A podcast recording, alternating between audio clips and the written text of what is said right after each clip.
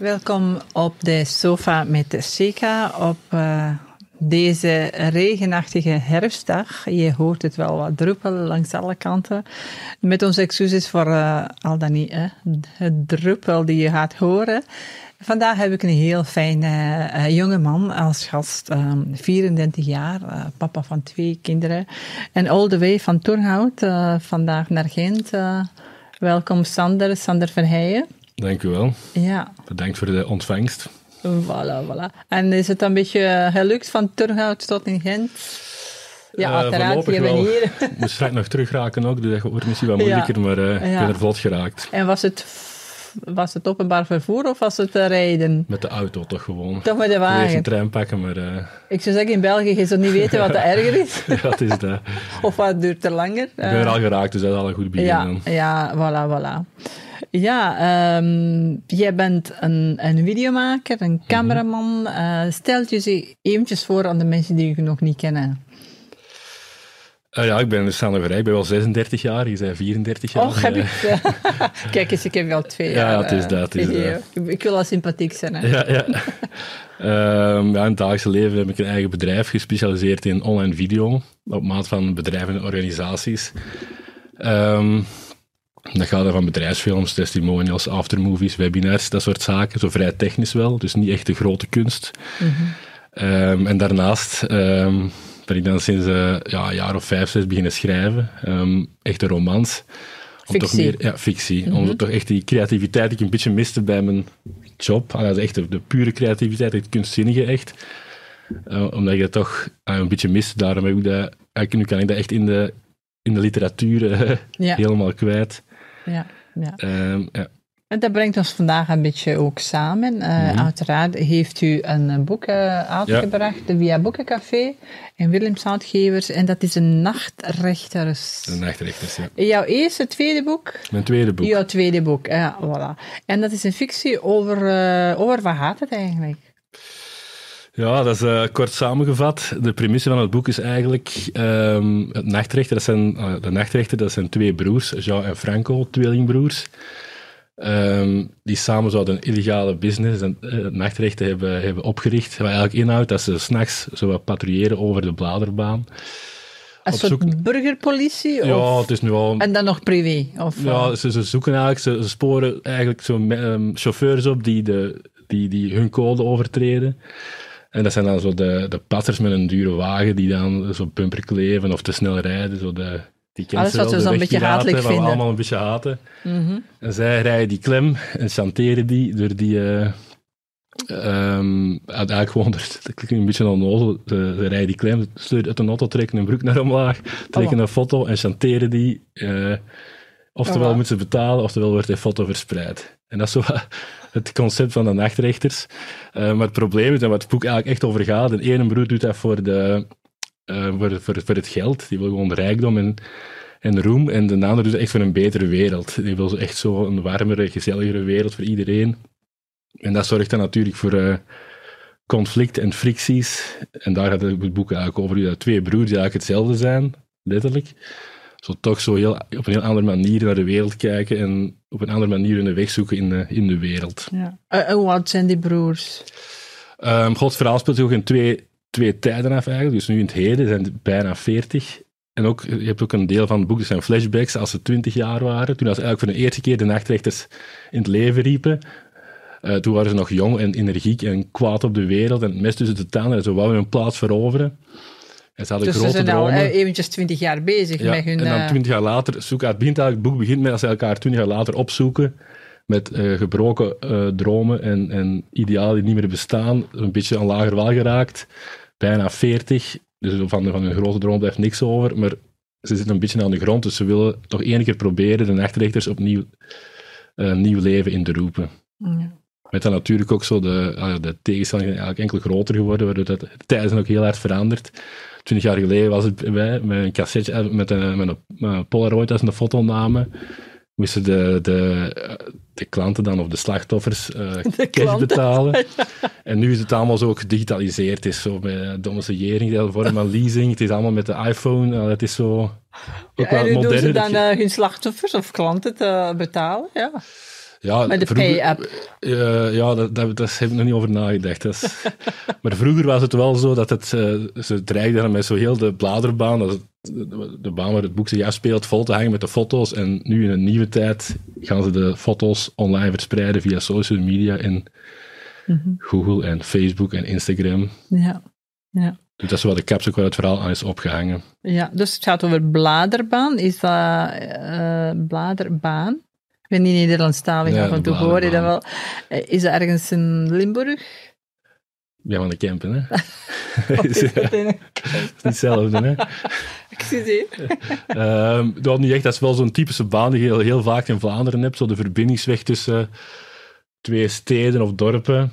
Waar dat dan ah, vroeger dan vaak zo, eh, ook in het boek, zo twintig jaar geleden, waren er zo wat de rare café's en zo wat veel groen en, en zo wat de, zo de, een beetje schraalheid. En nu zijn er zo de grote eh elektroketens en de, de winkelketens, echt zo de periferie zo, dat, soort dat soort baan, daar speelde zich af. En die Ehm, baan staat als metafoor voor... Ja, zo ook een beetje voor de grauwheid van hun eigen levens. Want het, is zowel, het zijn zo niet, niet de vrolijkste mannen, de nachtrechters.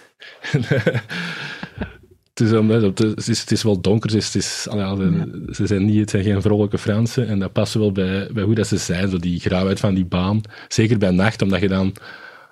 overdag is zo, dat soort banen zit dan natuurlijk vol met auto's en volle parkings, maar s'nachts is er eigenlijk niemand. Heeft dat zoiets... ja, ik weet niet of je al gedaan hebt, s'nachts langs zo'n baan gereden. Echt wel veel te veel tijd hebben, maar... Dat, zo, dat heeft, dat heeft zo wel een, een speciale sfeer, zo die lege parking, daar is eigenlijk zo bijna niemand. En dat is zo, ah, ik vind dat zelf wel een coole sfeer dat ik daar af en toe eens... eh, Ja. Je doet dat wel zo af en toe straks. dat, ja, niet per se dat ik ervoor in mijn auto sta, maar dat ik ze onderweg naar huis laat. Een omturken om zo de, de periferie eh, waar te nemen.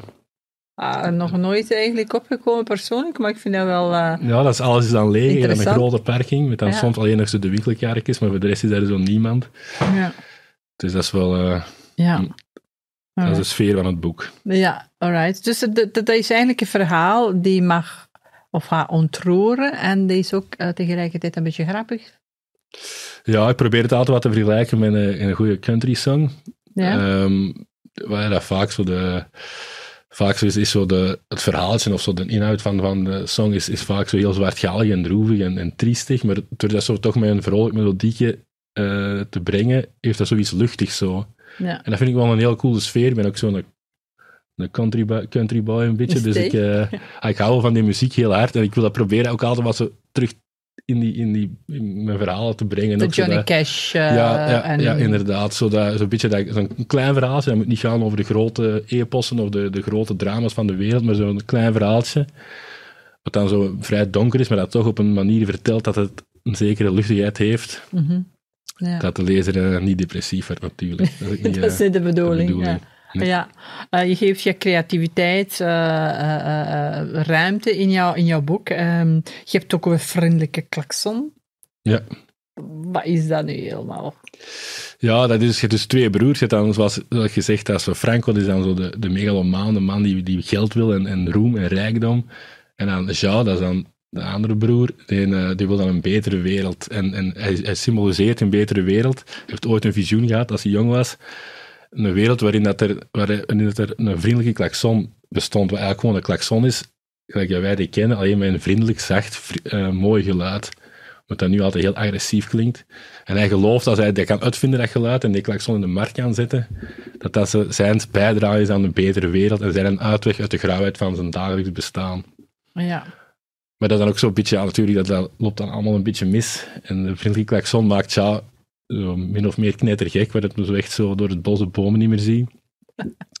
en dat is dan ook natuurlijk de vraag, we zijn uiteindelijk erin aan slagen om het, eh, de vriendelijke klakson, het is het geluid van zonneschijn, zo wordt het beschreven in een boek.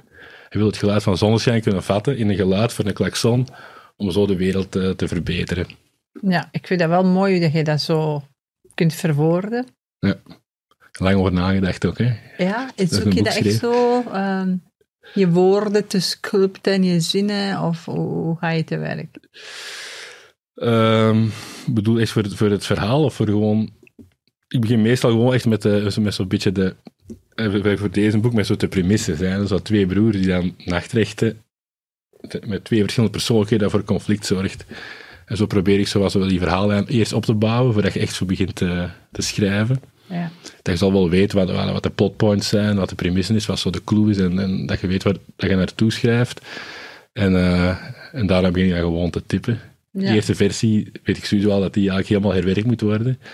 Dan maakt me altijd wijs dat de tweede versie er knal op gaat zijn, maar meestal is dat zo pas de vierde of de vijfde versie. Dus ik, moet, ik werk er wel veel aan. Dat is niet dat, dat, Ja. Ja, dat die ja. woorden spontaan komen. Dat is wel wat werk, werk een Ja. dag. Zo. Dat is Dus niet de zo... artistieke zit er ook in, Sander. Ja, dat wel, dat wel. Ja. Het is niet zo dat romantisch dat je zo achter de schrijftafel zit. ja. Net spontaan alle woorden op je neerdalen, dat heb ik nog niet, eh, Het is vooral werken aan, aan... Ja, zo aan een eigen stijl zoeken, denk ik dat ook belangrijk is. Ja. Dat je, en ook, eigenlijk in mijn geval, dat ik die personages eigenlijk ook echt wel kent, want ik heb ook wel uh, karakterelementen van mezelf in die personages gestoken. Dus je bent eigenlijk double personality yourself. Ja, ik, ik heb effectief zowel, eh, zowel een dromerige kant en ook zo'n brutalere kant. Dus, dus, Ben je dan de Jean? Of ja, alle, ik, al- allebei een beetje, maar mijn, mijn vrouw had een boek gelezen. En, eh, en de Franco, de megalomaan, eh, Ja. de- dat zei de gijsjes, ja, en, de Jean dan. En dat, dat vond ze toch minder, dat, dat, Ja. dat ze mij niet herkenden. Maar dat is wel, wel, wel mijn bedoeling, dat je zo toch de beide personages, de beide kanten van mezelf ook, om zo bij het schrijven ook zo wel, ah, dat je echt wel, wel weet hoe dat die denken en, en dat je jezelf erin herkent, dat is wel belangrijk, denk ik. En hoe gaan uw eh, broers, de Jean en Frank, om, om met autoriteiten? Want uiteindelijk wat ze doen is... Ook al is de fictie tot eh, volledig, denk ik, verboden of illegaal. eh, Hoe Ik denk dat wel, hè. Ik denk dat wel. Goh, op zich is dat... Uiteindelijk zijn ook wel... ehm als ook donkere personages, dus die hebben denk ik niet echt heel veel respect voor autoriteit. Maar het is wel mijn bedoeling als auteur, omdat zij dan eigenlijk zo... De, ik denk dat, dat zo de, de, hun slachtoffer of hun klanten dan, dat dat echt zo van die patters zijn met, met, met, met chique auto's die dan zich net iets van aantrekken, dat je wel als lezer sowieso wel aan hun kant gaat staan. En ook al is wat zij doen illegaal, en dat mag dat eigenlijk ook niet, dat is ook niet netjes. Mm. Maar eh, ik denk toch dat je de Maar empathie wel. Ja, ja. Je zou het zelf Nobody likes Ja, ja, ja. Ik zien. Niemand heeft eh patsers graag. Nee, nee, zelfs zo mensen die dat, dat zelf doen, hebben dat vaak niet door naar zichzelf. Hè. Ja, dus eh you don't know misschien what ook you al don't gedaan know. ooit. Dus, eh, Ja, het is ook misschien een beetje verpersoonlijkheid van iets wat, dat we ons, wat we ons op ergeren. Van eh, de, de shortcuts nemen, snel Ja. money. Jongeren meer- die ook misschien wat verpest worden door dit. ja, zo wat meer zo de, de, de mensen die denken dat ze zich zo wat meer kunnen permitteren, zo, die wat boven de wet staan. Zo toch een, eh, op een ludieke manier een lesje leren. Ja, ja, dat, is wel, dat zit er wel zeker in, in, ja. in het boek. Zonder dat ik zeker, ik wil ook zeker geen... Ja, geen bochtje recht standpunt trekken. innemen. Ja, nee, ik wil hier niemand te les spelen of zo. Ja, dat is niet mijn bedoeling, dat ik, dat ik hier echt zo'n de grote moral, de moralist ga uithangen met het Mhm. boek. Het is vooral nog eh, in de eerste pla- plaats voor mij toch zo wat entertainment. Ja. Ik denk dat het een boek is dat vlot wegleest, dat een origineel verhaal is, want ik weet niet, zo de vriendelijke klakson en zo de nachtrechter, het concept, ik denk niet dat dat, dat al vaak geschreven is.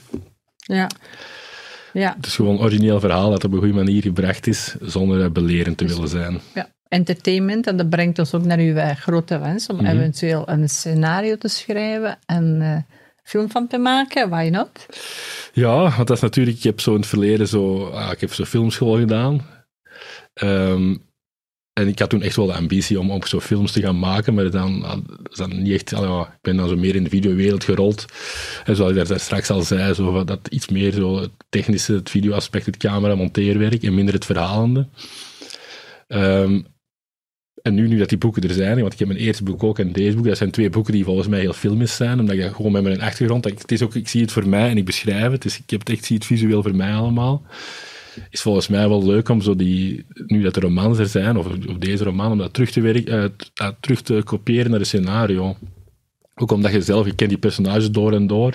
Heel de plot zit eigenlijk al min of meer goed. Je hebt natuurlijk wel andere accenten dat je moet leggen in een, Ja. in een, in een roman dan in een scenario. Maar dat is zeker wel mijn ambitie om deze ooit op het witte doek te krijgen. Maar dat is ook niet natuurlijk... En word je dan een van die twee broers zelf misschien? Nee, nee, ik, gewoon eh, scenarist, daar ben ik voldoende, daar ben ik blij mee. hè. Meer moet Ja. het niet zijn. Maar je weet, voor een goede film heb je niet alleen plot nodig, maar ook altijd een, een, een, een liefde en een vrouwelijke. Ja, ja, ja. dan ga je daar toch nog eens moeten bijdenken.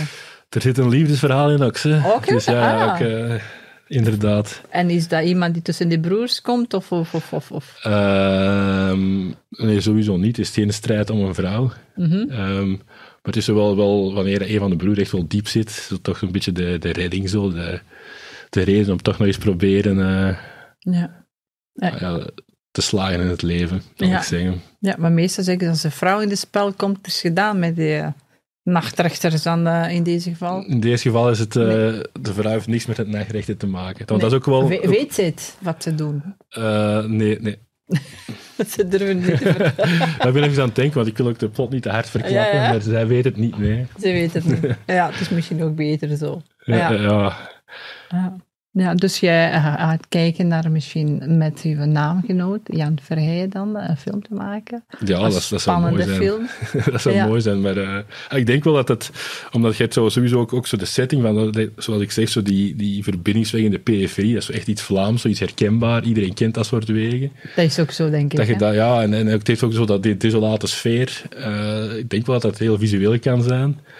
Ja. Van het spannende verhaal. eh, Ik denk dat dat eh, een, een leuke Vlaamse film over zaken waar denk ik alle Vlamingen zich over ergeren, ja, ja.